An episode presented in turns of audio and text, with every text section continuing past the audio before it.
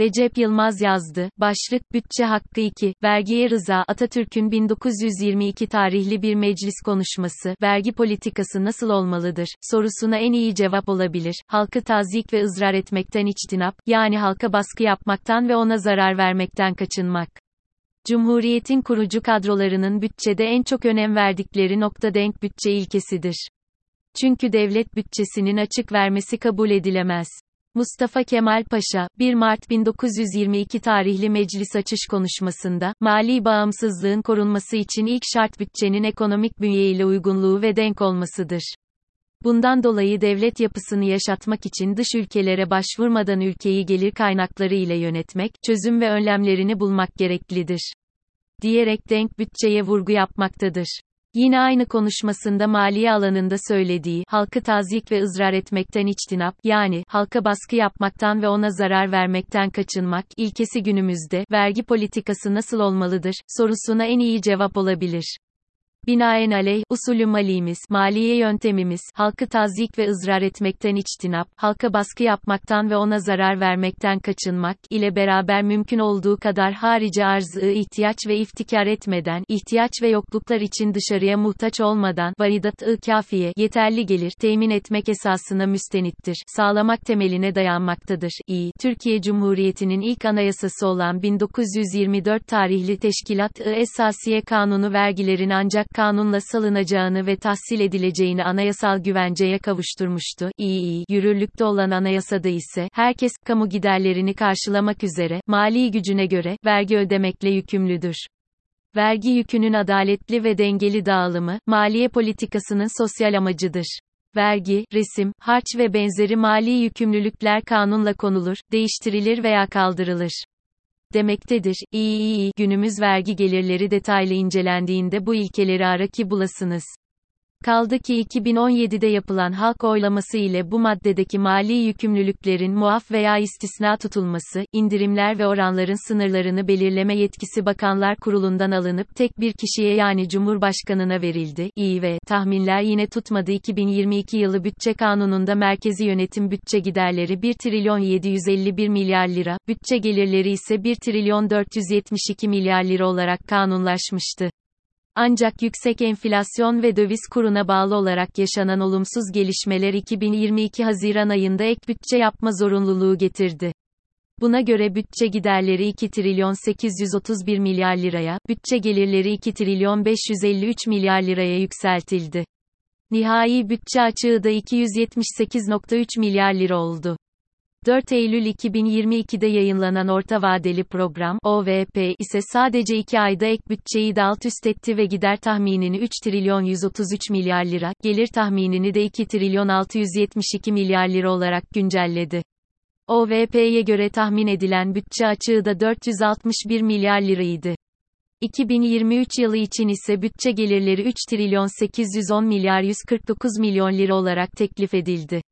4 trilyon 469 milyar 570 milyon lira bütçe giderleri olduğunu hatırlarsak yaklaşık 660 milyar liralık bütçe açığı bekleniyor. Yani bütçe giderleri %57, bütçe gelirleri %49 artarken, bütçe açığı %137 artıyor. Açığı kapatmanın en kolay yolu ise vergiyi alım gücü sürekli azalan halkın sırtına yıkmak. Çünkü ekonomik güce erişen vergi ödememe gücüne de erişiyor. Vazgeçilen vergiler buna bir örnek. Vazgeçilen vergileri tanımlayan vergi harcaması 2023 bütçesinde 994 milyar 380 milyon lira. Bunun 280 milyar 840 milyon lirasını kurumlar vergisi oluşturuyor. Yine diğer vergilerin içinde de sermaye kesimini memnun etmeye yönelik binlerce vergi muafiyeti bulunuyor. Dolaylı ve ERG ile ERE devam verginin dolaylı ve dolaysız vergiler olarak iki ana başlıkta toplandığı bilinir. Dolaylı vergiler, tüketilen mallardan ve hizmetlerden alınan vergileri içerir.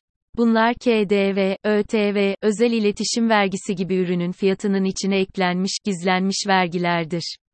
Geniş halk kesiminin ödediği bu dolaylı vergiler, 3 trilyon 200 milyar lira olarak teklif edilen toplam vergi gelirinin %65'ine denk geliyor. Geriye kalan %35'lik kısmını ise gelir, kazanç ve mülkiyet üzerinden alınan vergiler yani dolaysız vergiler oluşturuyor.